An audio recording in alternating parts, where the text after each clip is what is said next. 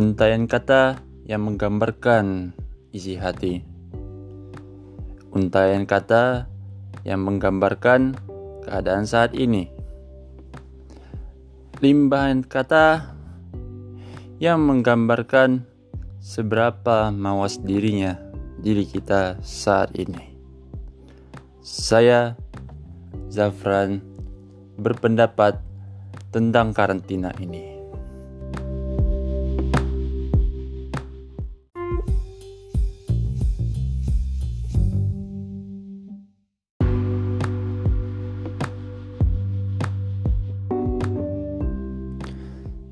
Sudah hampir 58 hari sejak kabar menggemparkan ini sampai ke bumi pertiwi. Pertamanya hanyalah isapan jempol dikarenakan jumlah kasusnya sedikit.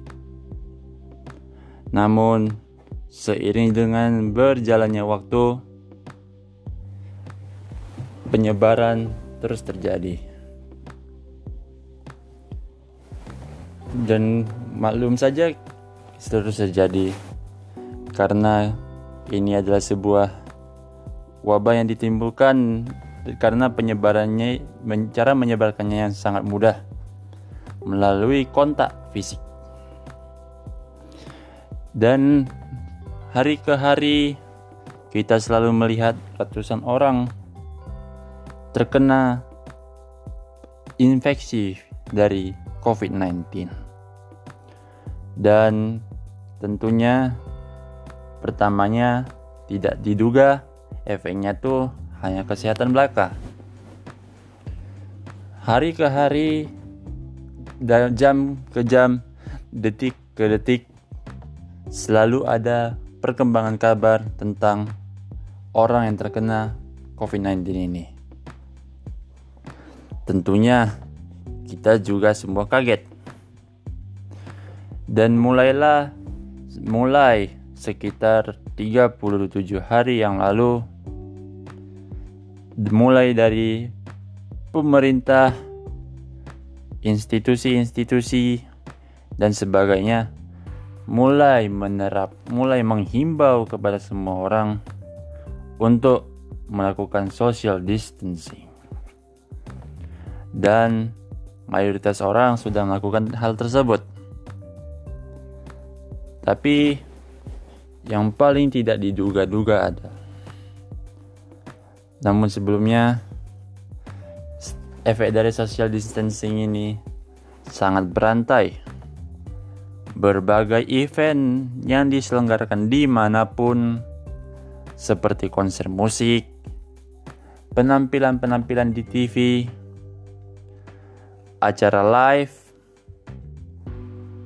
bahkan turnamen-turnamen olahraga juga ditiadakan tahun ini.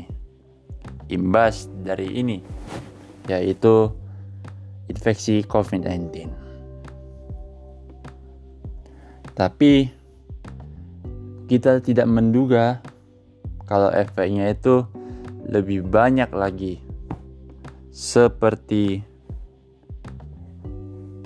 seperti orang-orang mengalami orang-orang kebingungan karena ekonomi. Orang-orang kebingungan dalam bersosialisasi.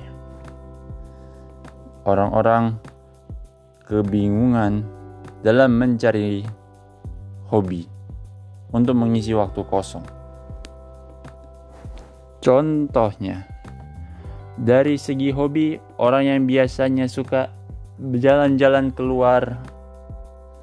Namun karena COVID-19 ini terjadi di daerahnya dengan jumlah kasus yang sangat tinggi, ia terpaksa menunda hal tersebut. Dari segi ekonomi, kita tidak menduga kalau ternyata wabah ini membuat berbagai macam usaha-usaha kelas menengah ke bawah lumpuh seperti para pedagang kaki lima yang sulit mencari pelanggan dikarenakan semua orang takut berinteraksi satu sama lain dengan jarak, dalam jarak dekat. Dan juga contoh lainnya adalah para pengemudi angkut yang orang yang mengemudikan angkutan umum. Setiap hari mereka mencari setoran berupa orang-orang yang ingin menaiki tempat angkutan umum tersebut. Tapi faktanya rata-rata mereka pulang dengan 0 rupiah tangan kosong. Efek lainnya yang paling tak terduga adalah di mana-mana berbagai perusahaan memecat be, memecat semu, memecat mayoritas pegawainya agar perusahaan tersebut tidak bangkrut. Menjaga, menjaga cadangan karena apabila perusahaan sudah tidak memiliki cadangan dan bentuk rupiah, tentunya itu akan membuat mereka perusahaan tersebut sulit untuk berkembang terutama dalam masa-masa seperti sekarang. Efek berantai dari ekonomi ini adalah orang-orang semakin oportunis. Contoh mereka berusaha tetap makan dalam kutip dua dengan berbagai cara apa pun. Contohnya adalah mencuri. Sebelumnya saya mohon maaf memakai kata ini karena terlalu direct. Banyak orang yang bisa dibilang putus ekonominya karena tidak memiliki pekerjaan, mulai mencari-cari kelemahan orang yang masih bisa bekerja atau mencari duit di dalam pandemi ini. Contoh, kesualayan, tapi dengan modal tas doang menyeludupkan maka menyeludupkan properti pesawat tersebut dalam tas mereka mayoritas dan kasus itu sudah banyak terjadi. Untungnya baru itu kasus yang terlihat di mata saya terutama. Karena kita tidak tahu berbagai alkohol orang selanjutnya. Apalagi kasus pandemi ini masih bakal sangat panjang. Terutama di Indonesia Orang yang sudah resmi diperiksa masih sekitar 50 ribu orang. Sangat jauh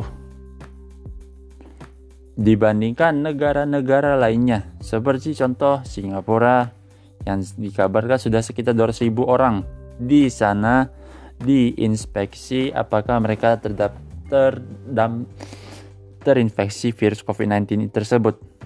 Meskipun sudah ada beberapa orang dalam pengawasan atau ODP yang sudah diawasi oleh tenaga medis terutama.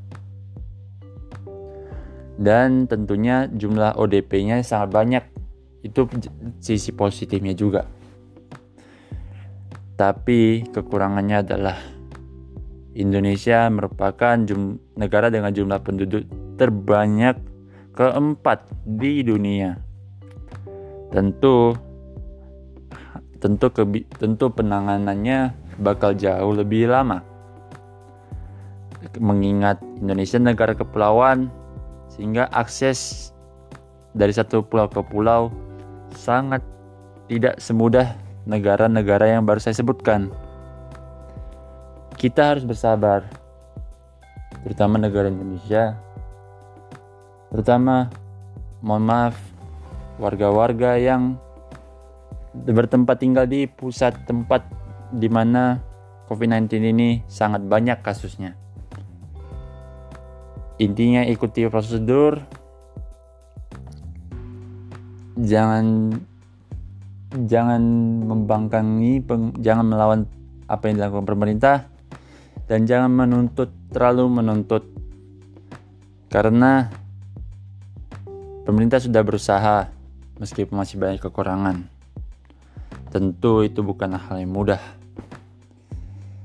Dan kemungkinan dalam 30 hari ke depan kita masih harus berada di rumah saja.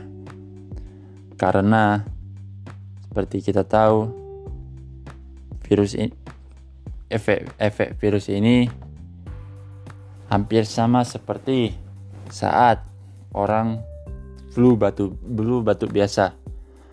Bedanya efeknya ada yang sampai ke diare dan hal-hal lainnya. Kita usahakan tetap di rumah dan di bulan Ramadan ini di rumah saja merupakan hal yang terbaik supaya kita tidak ter, ter, terkena banyak godaan dan juga menghemat tenaga. Karena banyak orang yang di rumah aja masih bisa bekerja. Jadi kita hanya bisa menunggu dan menaati aturan sampai saat ini.